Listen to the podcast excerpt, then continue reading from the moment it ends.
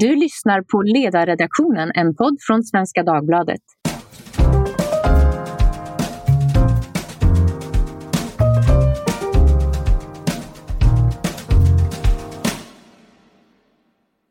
Jag heter Maria Ludvigsson och idag ska vi diskutera en diskussion om ett intervjusvar.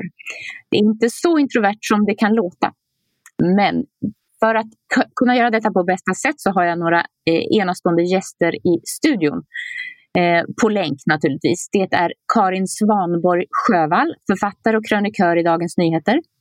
Dick Eriksson, chefredaktör och ansvarig utgivare för Samtiden. Stig-Björn Ljunggren, politisk chefredaktör för socialdemokratiska Sydöstran och Henrik Sundbom, vikarierande ledarskribent här i Svenska Dagbladet. Välkomna alla fyra! Tack. Det var igår, måndag den 11 januari, som Jimmy Åkesson intervjuades i Sveriges Radios Ekonyheter. Eh, han sa att han hellre sett en republikansk president vinna valet i USA. Eh, och då detta betyder republikanen Donald Trump fick han frågan om han alltså verkligen menade Donald Trump. Och det gjorde han, dock med visst förbehåll.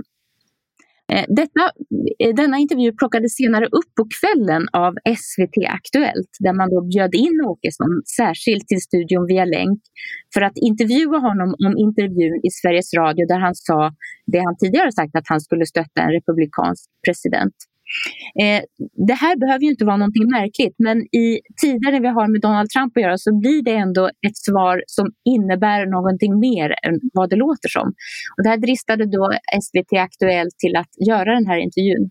Vi ska lyssna kort här på hur det lät i Aktuellts intervju när eh, Jon Nilsson var väldigt angelägen om att få ett eh, svar som kanske skulle låta på ett visst sätt. Vi ska höra här. Men, bara, om du väntar lite Jimmy också, om jag förstår dig rätt så eh, med tanke på att Trump var eh, Republikanernas kandidat så föredrar du ändå honom då jämfört med att Biden skulle tillträda? Alltså ett presidentval i USA är ju inte en popularitetstävling även om det kan framstå så ibland utan det handlar ju ytterst om politik. Och... Henrik, vi ska börja och fråga dig. Det låter som om Jon Nilsson är angelägen om ett särskilt svar här. Vad säger du om den här intervjun? Ja, det är han ju helt klart. Eh, och, um, det kan man väl se på olika sätt. Um, Å ena sidan så kan man ju tycka att det finns en tendens hos eh, public service-medier att, att um, leta efter särskilda svar. Att man, liksom, man bjuder in en gäst för att man vill ha ett särskilt talminus, uh, vilket man kan vara kritisk mot. Men uh, jag tycker ändå att det är en, en ehm, relevant fråga att ställa till Jimmy Åkesson i och med att eh, Sverigedemokraterna de senaste åren har eh, använt sig ganska mycket av sina relationer till det republikanska partiet för att vinna legitimitet, inte minst internationellt. Eh, och jag tycker man kan beskriva det som att eh, Sverigedemokraterna haft en, en eh, ganska tuff resa med att hitta vänner ute i världen.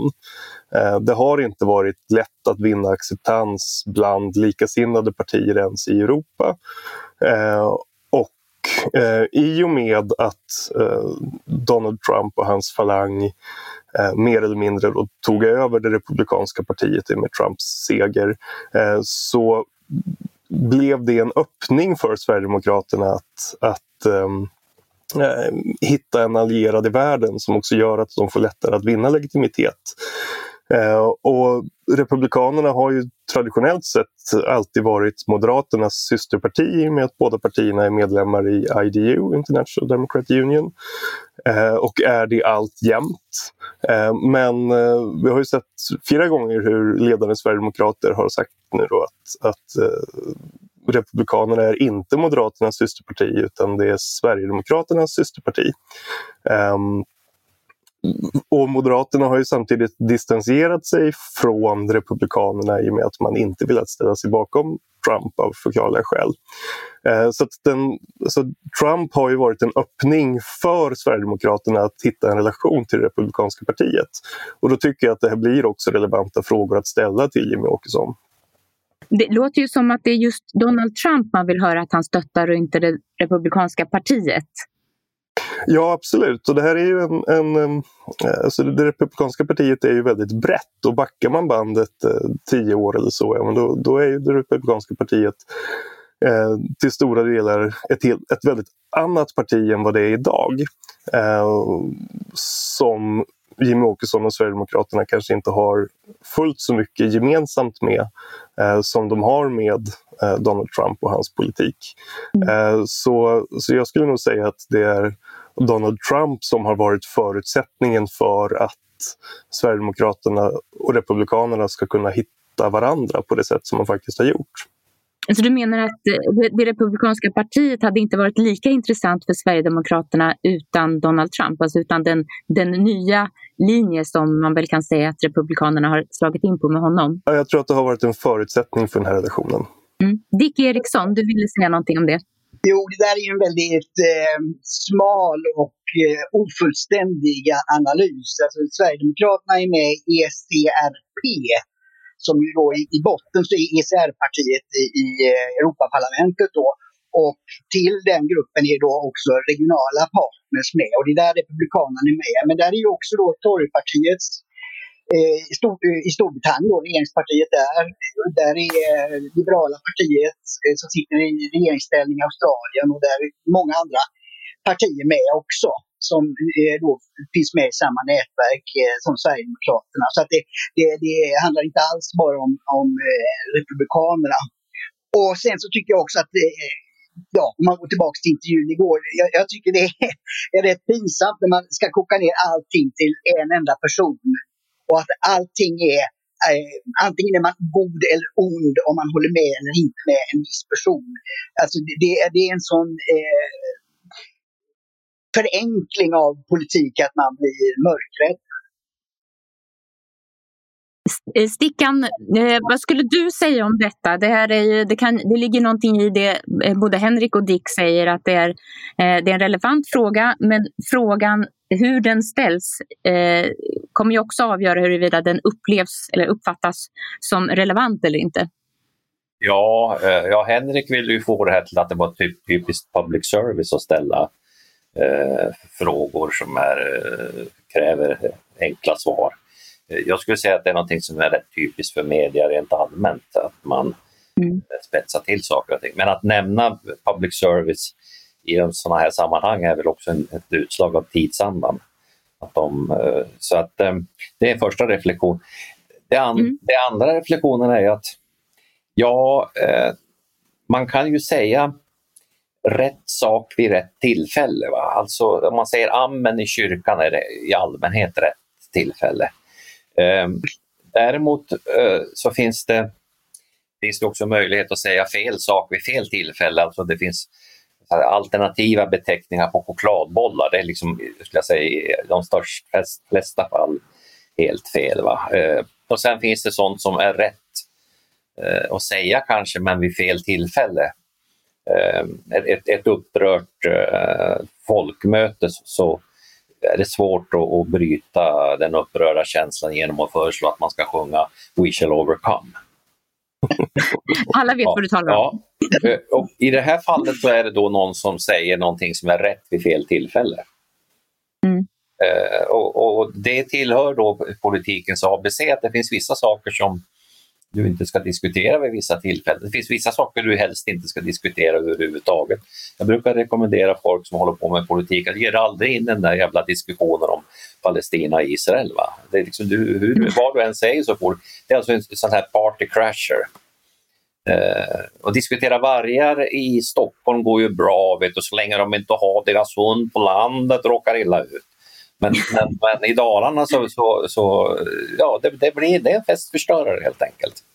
Eh, ja, så, i, så, i det här fallet, i det här fallet så, så, så han borde inte ha gått dit. Nej, men det finns ju också, det är ju ett problem i detta när det är all, ganska många som särskiljer Republikanska partiet från Donald Trump. Som att Donald Trump han är en besvärlig figur men det Republikanska partiet behöver inte vara det. Jag kan känna sympati för den inställningen eftersom jag själv skulle ha röstat på Republikanskt om jag fanns där men jag hade ju inte röstat på Republikanerna under Donald Trump. Och det är det här som det finns en, eh, en skiljelinje som är lite svår att få fram. Ja, men, men just häromdagen så hände ju något som gjorde att det blev tydligare. Men fram till dess var det lite luddigare. Mm. Karin, Mm. Du har också följt detta och du hörde intervjun här på Aktuellt. Vad säger du? Vi ska komma över till innehållet, men vad säger du om själva formen? Detta att vi är så eh, oerhört intresserade av när Jimmy Åkesson säger någonting och så kan man spinna en nyhet från en nyhet och göra ytterligare en nyhet på, på SVT på kvällen. Alltså, jag tycker inte att det är så konstigt att den här frågan ställs. Eh, och jag tycker kanske inte heller att det är så konstigt att Jimmie Åkesson säger som han, han säger. Det här är ju en linje som Sverigedemokraterna har haft. Det gjorde de ju även inför den amerikanska valvakan. Så sa ju Mattias Karlsson eh, upprepade gånger att han menar att Trump var rätt person att, att ena landet. Eh, sen är det ju ganska många som har tyckt så, som har ändrat sig efter de senaste dagarnas händelser. Men det finns ju liksom inget, inget brott där så att säga, i, i partiledningen. Det jag tyckte var eh, kanske märkligast eh, är väl egentligen mer att han påstod att man måste kunna skilja på ämbete och person i just fallet USA där han säger att så här, det här är inte en popularitetstävling, men det är ju helt fel. Alltså ett amerikanskt presidentval är i allra högsta grad en popularitetstävling, så har det alltid varit i amerikanska valrörelser. Och just på grund av, precis som Henrik var inne på, att, att partiet också i så stor del har, har präglats av vem som har varit eh, partiledare, så går det ju inte riktigt att göra, eh, tycker jag, den distinktionen på det sättet. Och då är det också relevant, tycker jag, att medierna ställer frågan. Mm. Henrik, du började, fick börja. Du kan få avsluta den här ronden också, givet det du har hört.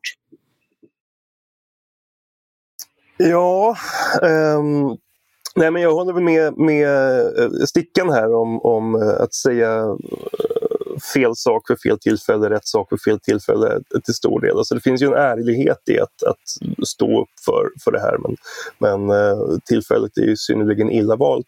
Eh, och det tycker jag att det är inte bara Jimmie Åkesson utan det är ju ganska många sverigedemokrater som, som eh, aktivt har valt det här dåliga tillfället för att uttala sin fortsatta sympati för Trump med att man står fast vid nomineringen till fredspris till exempel och, och ehm, mm jag tyckte att eh, eh, Tobias Andersson som ju är riksdagsledamot och väl ordförande för SDU också om jag inte minns fel, eller eh, Ungsvenskarna heter de kanske nu för tiden.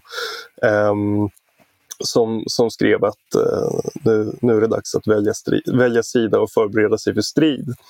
Eh, I och för sig apropå avstängningen från Twitter, då, men det är svårt att inte sätta det i, i kontexten med stormningen också. Eh, så det, det, är ganska många sverigedemokrater som var duktiga på att, att eh, välja ett märkligt tillfälle och det är så att man undrar om det eh, finns en tanke. Nej, men det är ju det att, att Eh, Eh, man eh, går på väldigt hårt från mainstream-håll om eh, den här stormningen. Men under hela förra året så har BLM och Antifa stormat polisstationer och andra offentliga lokaler i, i våldsamma upplopp och bränt ner butiker och annat. Då finns det inga protester i Sverige. Då, då är, är, det ingenting som hotar demokratin och inte bidrar till polarisering. Utan det är bara när andra sidan gör någonting eller några tokstollar eh, som hävdar att de tillhör andra sidan gör någonting. Då går man igång och det reagerar väldigt många emot.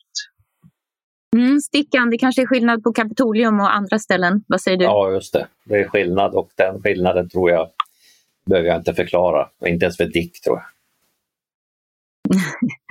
det, det, var en ledande fråga där, men det är naturligtvis eh, det som, som eh, gör att många som tidigare inte har reagerat faktiskt gör det nu. Och vi fick också bilder där inifrån som var ganska starka. Ja, men vi, vi, vi, eh, vi har ju skillnad ja. på liksom de här symboliska eh, platserna. Va? Mm. Alltså mm. eh, skicka en, en tårta i nyllet på någon kan man göra i olika sammanhang, men gör man det med partiledare eller med finansminister eller vad det är för någonting, i synnerhet den, eh, den här man går med budgeten va, från från regeringen. Mm. Alltså är det oerhört symbolladdat och, och, och, och efterföljden blir det också då både i allmänheten och juridiskt mycket tyngre.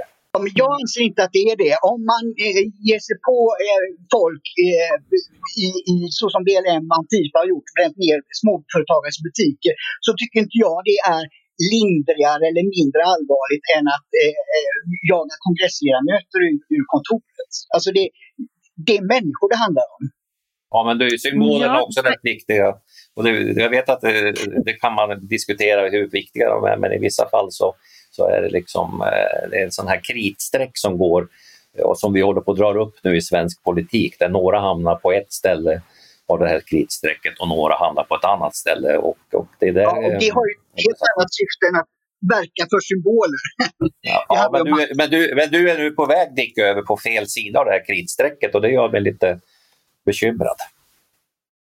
Man kan väl också säga så här i den här diskussionen att det är skillnad på, det finns institutioner som också faktiskt är en ganska konservativ ståndpunkt. Alltså det finns institutioner i samhället som exempelvis regeringsbyggnader och den sortens fasta värden eh, som har ett, en annan symbolisk värde än till exempel eh, de ställen som Antifa har varit inne på. Alltså just detta att man ser människor går in och sliter ner eh, namnskyltar inne i Kapitolium. Det är klart att det är, eh, en, det är en institution som intas snarare än olika delar.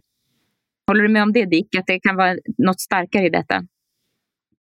Nej, jag, jag, jag tycker inte det. Det, det, det, det är fruktansvärt allvarligt det, det, som hände under förra året och de upploppen. Och det, man var väl inne i delstatsparlament eh, också, de är ju också demokratiskt valda. Så att det, eh, nej, jag, jag, jag, tycker inte det, det finns att göra den distinktionen mellan förra årets upplopp och det som händer nu. Karin, du vinkade tidigare.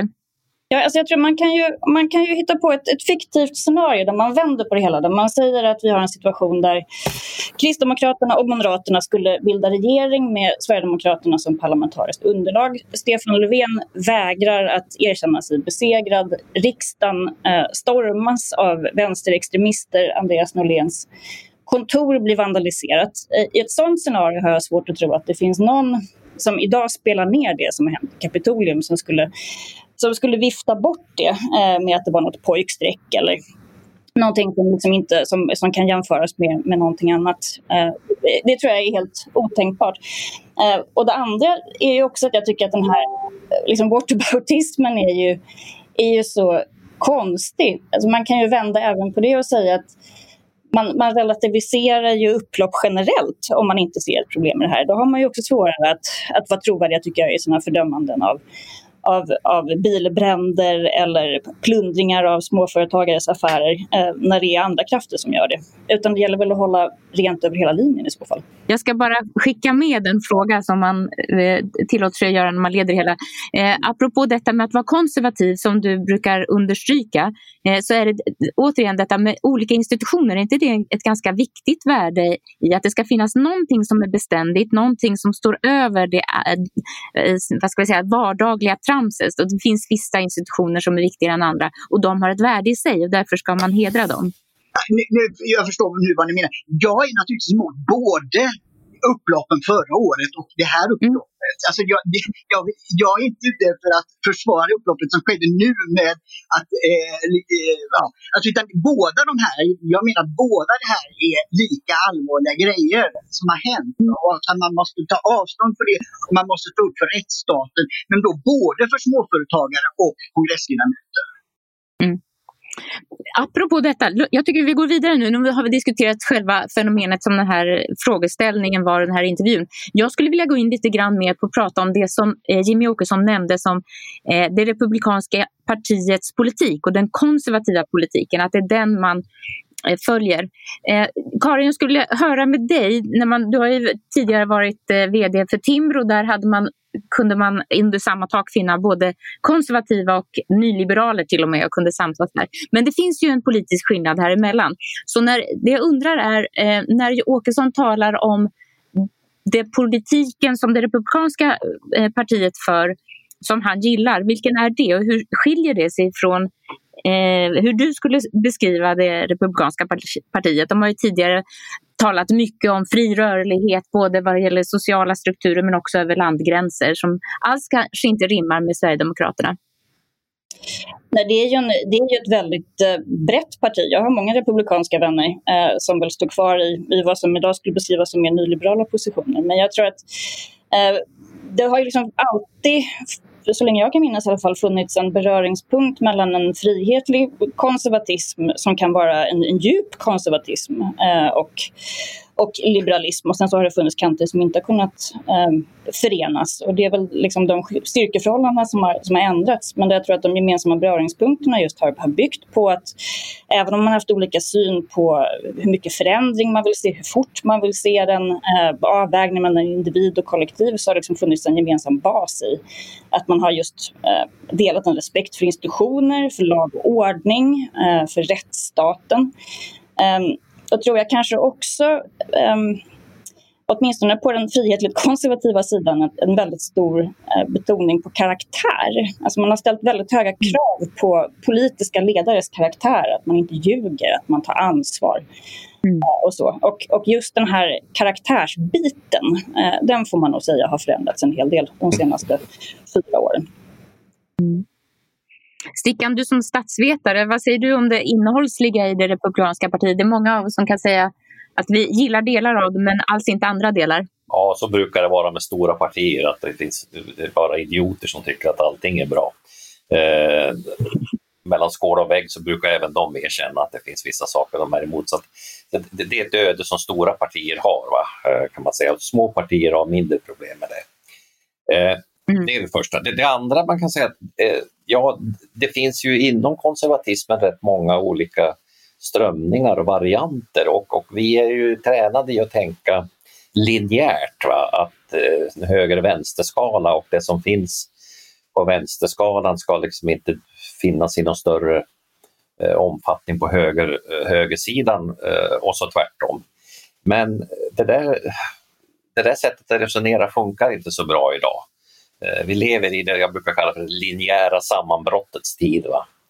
Och, och eh, Trump är ju revolutionär, han är jakobin om vi går tillbaka i historien. Han, han, eh, det här är en revolution via valurnorna och, och där man då former, eh, man har liksom, gör om den här, försöker göra om den här institutionen va, som, som folkstyret eh, som det har varit då i USA eh, och vi kan se också i andra länder.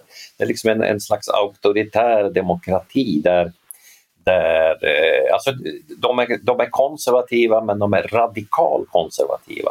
Och den, den strömningen har ju dykt upp historiskt eh, vissa tillfällen och fått olika slags tillämpningar och nu, är, nu ser vi, vi är liksom inne i en situation där den här radikalkonservatismen återigen är på väg att gå från ande till kött apropå kyrkan. Henrik, det här är ju en eh, ideologisk diskussion som är mycket intressant. Eh, den här radikalkonservativa, det finns en motsättning där tycker jag att vara både radikal och konservativ samtidigt. Hur skulle du beskriva det som är det republikanska partiets olika skillnader? Ja, men det är väl det som är det nya också. Att, att ehm, um, säga, om det republikanska partiet traditionellt sett har varit konservativt så har man fått in det radikala elementet vilket gör att um, många tycker att det är svårt, eh, tror jag, med beskrivningen eh, konservatism av det som, som Trump håller på med. Eh, utan det blir närmare det som, som vi gärna kallar för högerpopulism när vi pratar om Europa och andra länder. Eh, Både politiskt och, och retoriskt. Eh, och det här är ju en, en eh, en skillnad i eh, beskrivning av partierna som, som man ser inte bara i USA utan även här. Att, att Sverigedemokraterna vill gärna profilera sig som ett konservativt parti eller ett nationalkonservativt eller ett socialkonservativt parti. Medan eh, utomstående eh, har fortfarande svårt för de beskrivningarna och föredrar att kalla dem för högerpopulister. Eh, därför att det är just svårt att få ihop den här radikalismen med eh, den konservativa ehm, grund, eh, grundförhållningen till eh, politik och till världen med långsamma förändringar och, och den typen av, av, eh, av saker. Mm. Stickan?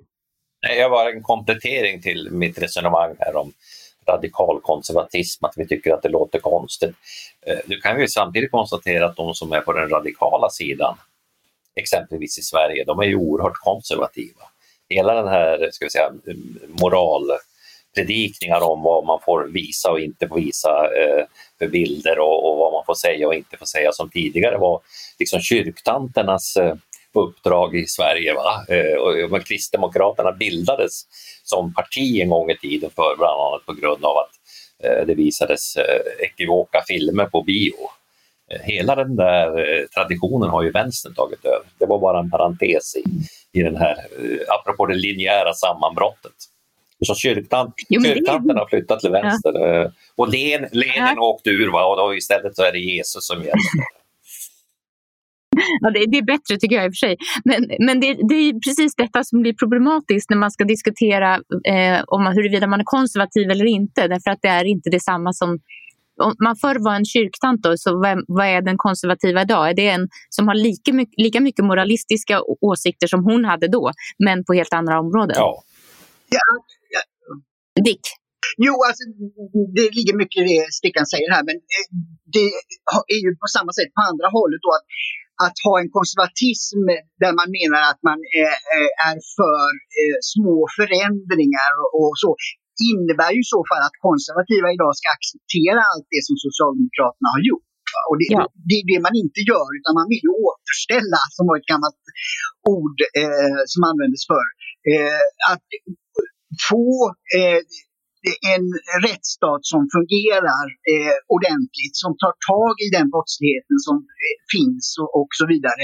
Alla de problem som samhället nu upplever eh, och som eh, allt fler väljare upplever att de gamla partierna tar inte tag i de, i, i de problemen utan man bara skyller över och, och ägnar sig åt smutskastning av motståndarna. Frågan om den, den lilla men begränsade men starka staten har ju alltid varit ett väldigt liberalt eh, förhållningssätt, en viktig sådan. Eh, men Dick, du, du säger att detta, det skulle också vara konservativt. Så, så, det vore ju ganska radikalt om man då skulle förmin, drastiskt förminska, förminska staten och det är alls inte konservativt att så eh, gravt förändra Dagens eh, partier profilerar sig på jippobetonade insatser, genuskurser och annat Medan man lämnar till exempel äldreomsorgen då att förfalla så att man inte klarar av att hantera en pandemi. Det, det, liksom, har blivit helt fel fokus. Så här borde man då tillbaka, och det anser jag är konservativt, till statens kärnuppgifter, alltså göra det som staten ska göra, det vill säga eh, välfärdens kärnuppgifter som äldreomsorg, sjukvård, polis eh, och försvar. Det, och, och, jag tycker det är, är, konservativt, men det skulle också naturligtvis kunna vara liberalt. Det är ju så man har hållit ihop över Republikanerna i USA är ju det att eh, nyliberaler och konservativa har kunnat vara eniga om att, att eh, hålla staten, staten kort. Nu har man ju haft före Trump ett antal presidentkandidater som inte agerat på det sättet utan som har inte för väljarna kunnat utskilja sig från de demokratiska kandidaterna och därmed alltid förlorat. Och det, det, är ju en anledning till att det blev Trump som, som blev kandidat. Att den där eh, hänga på vänstern, konservatismen, fungerar inte. Mm, jag är inte säker på att det är så man ska beskriva en person som Sarah Palin i och för sig. Det har ändå funnits en eh, stor skillnad även före Trump mellan eh, demokrater och republikaner. Henrik, ta, för alla som inte minns Sarah Palin, berätta varför du tycker så. Nej, men Sarah Palin fick ju på något vis personifiera hela den här Tea Party-rörelsen som, som eh, kanske kan betraktas som en annan typ av radikal konservatism eh, i sina värderingar med, med eh, starkt abortmotstånd och traditionella könsroller med hemmafruar och, och eh, eh, stark betoning på eh, rätten att bära vapen och samtidigt eh, den här agendan med att, att staten ska vara liten och, och inte lägga sig i människors liv, eh, vilket väldigt många ändå kunde sympatisera med. Eh, men utan att ha den typen av, av ehm, vulgärpopulism som Trump har, har uh, verkligen personifierat. Och uh, det är väl svårt att, att, se de här som något annat än, än föråkare för det som, som skulle komma. Uh, men nog har de här radikalt konservativa, idémässigt konservativa strömningarna funnits långt före Trump. Och det tycker jag också är intressant om man ser på startfältet när Trump blev, blev vald. Att Tittar man på konservativa profilfrågor som abortmotstånd till exempel, eh, då var ju verkligen inte Trump den mest konservativa av, av de republikanska kandidaterna. Långt ifrån, utan eh, politiskt sett var han ju faktiskt ganska mycket en, um, mittenkandidat. Men han hade en, mm. en populistisk stil och retorik och inställning till ledarskap eh, som skilde ut sig. Det stämmer ju helt. Och det blir intressant att under de kommande åren eh, när analyserna kommer om vad som faktiskt hände under de här fyra åren. Eh, för då har, eh, när man kan skilja från den här retoriken och, och, och eh, utspelen i medierna från det som faktiskt har beslutats eh, under de här fyra åren. Det, det, kommer att bli väldigt intressant att se de analyserna. Mm. Stickan? Ja, eh, ja men vi, eh, de flesta diskuterar ju idag Trump och, och, den här eran som att det är liksom ett avslutat kapitel och att det var förskräckligt alltihopa. Och nu är det slut på parentesen, nu ska vi tillbaks till det normala och det är ju mm. helt vansinnigt. Va? De som säger så är ju nästan värre än Trump själv, höll jag på att säga. Eh, men han ökade ju sitt röstantal och en mycket stor del av mm. republikanerna anser att valet blev stulet. Va? Så, att, så att, eh, det här är inte slutet, va? utan det är möjligtvis början på slutet i bästa fall. Eh, vad borde han säga då? Vad borde man ha för projekt eller inriktning för Republikanerna?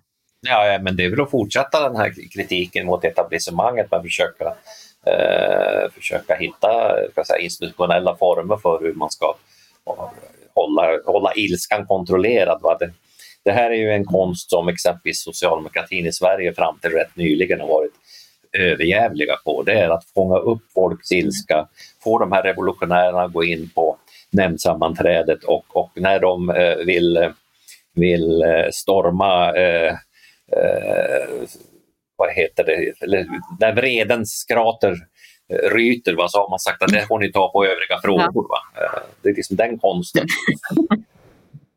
det är en, det är en konst, konst verkligen. Men vi ska strax avsluta, men när vi ändå är inne på detta eh, så måste vi eh, ändå fortsätta med eh, de, den eh, huruvida de, de, ska fortsätta, alltså det här som vi inte riktigt har kunnat förklara i, för oss som är ansvariga för svenska medier är det som var kritiken mot etablissemanget. Vi kunde inte begripa, eller i alla fall inte förklara, varför Hillary Clinton inte vann. Därför att för oss var det det mest självklara. Men där fanns ju en, ett, en avsky för, för överheten och för eliterna som har varit svårt att förklara.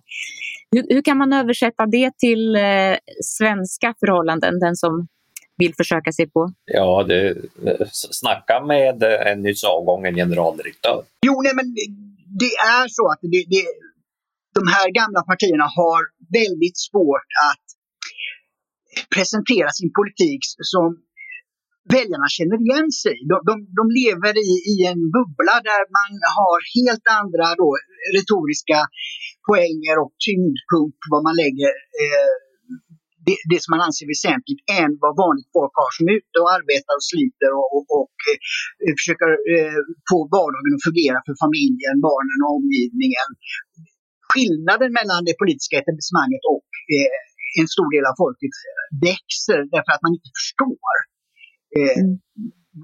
vilka kraven är. Och det, det, det, var det sossarna hade för men som man inte har längre eftersom man också nu är ju en del av eliten och därmed inte har känslan för vad folk vill ha. Eh, Henrik, jag skulle vilja ställa frågan till dig. Det finns ju olika sätt att möta den här sortens kritik mot känslan av utanförskap och så vidare.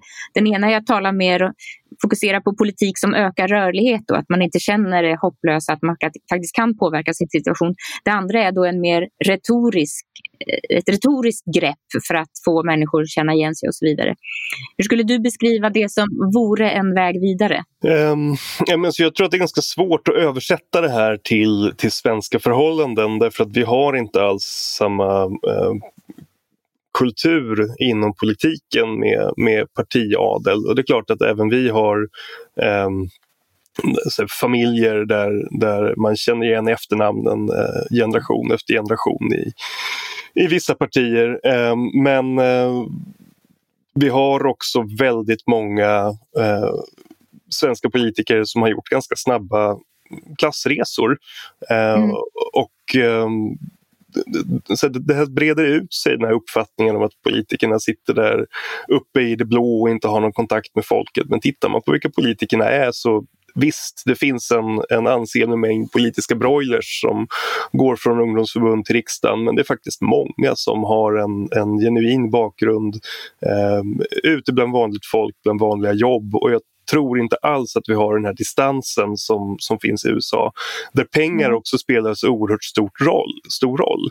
Det är omöjligt att bedriva en presidentkandidatur eh, utan att ha miljarder i ryggen. Eh, och i mindre skala men samma fenomen även ute på lägre nivåer. Eh, och det är någonting som vi helt och hållet saknar. Så att jag, tror att, jag tror att man ska passa sig för att försöka översätta det där. Eh, men jag tror att i, när den retoriken breder ut sig i Sverige att eh, politikerna helt har tappat kontakten och det är eliten och globalisterna och allt vad det är. Eh, då tror jag att man, man eh, lånar över en kritik från USA som helt enkelt inte är särskilt legitim här.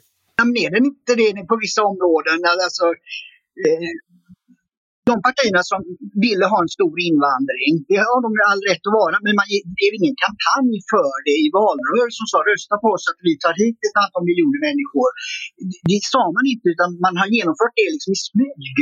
Och man har heller då, och kan, man kan vara för öppna gränser och att, att många kommer hit, men man har liksom inte sen haft någon politik för att integrera de här människorna i det svenska samhället. Och de, de då som har tagit upp de problemen, det vill säga Sverigedemokraterna, de blir då beskyllda för allt möjligt. När de tar upp det som alla människor ser är ett problem. Medan de etablerade partierna förnekar att det är problem. Det, det är liksom där det finns en väldig spänning. Ja, Stickan, du vill inte? Ja, men bara kort det här om, om eh, hur väljarna uppfattar de politiska företrädarna. Och, och i USA så är det ju uppenbart att de här säga, eh, etablerade miljardärerna, eller de etablerade med miljarderna i ryggen, eh, blev undansopade av en som visserligen hade lite pengar på banken men, men som ändå kom liksom, eh, ska vi säga, snett underifrån. Då kan vi säga. Eh, I Sverige kan vi ju notera, eh, och det tror jag är viktigt att, att, komma ihåg här, att det centrala är inte om eh, de politiska företrädarna faktiskt rent fysiskt så att säga, kommer ifrån från folket, från, från golvet, från, från fabrikerna, från åkrarna och sådär, utan det är ju hur de uppfattas. Eh, och tittar vi på socialdemokratin som då har varit rätt framgångsrika så det är ju först nu som de har fått en arbetare, en riktig arbetare på, på ledande positioner. Alltså den, den, eh, den här svetsaren då, va? Eh, är, han är ju riktig, riktig arbetare, har liksom hela, allt, allt rätt, medan de här från storhetsperioden så, så hade de inte haft mycket jobb. Man kan diskutera om Per Albin, han var ju bodknodd har jag, vill jag minnas under en tid, men det gjorde honom ändå inte till liksom en, en, en arbetartyp. Så att, eh, det, det, det, viktiga är hur folk uppfattade det kan jag säga och där uppfattar de etablissemanget som att de är de lyssnar inte längre och då får det politiska konsekvenser i Sverige och i USA och andra länder. Ja, tack så mycket. Vi ska avsluta men jag låter Karin eh, få eh, sista utrymmet här eh, apropå frågan om det konservativa och eh, utanförskapet. Vad har du för funderingar kring detta? En spontan reaktion är väl egentligen att den här beskrivningen av den här enorma klyftan mellan etablissemanget och folket så börjar bli ganska nattstånden, i alla fall om man tittar på hur agendan ser ut. Att det är ganska länge sedan som dagordningen dominerades av debatter om könsneutrala toaletter och pronomen och så Jag menar, det förekommer, men det är ju verkligen ett marginalfenomen. Jag tycker den politiska diskussionen nu är ju väldigt fokuserad på det materiella och på, inte minst på invandring, måste man säga.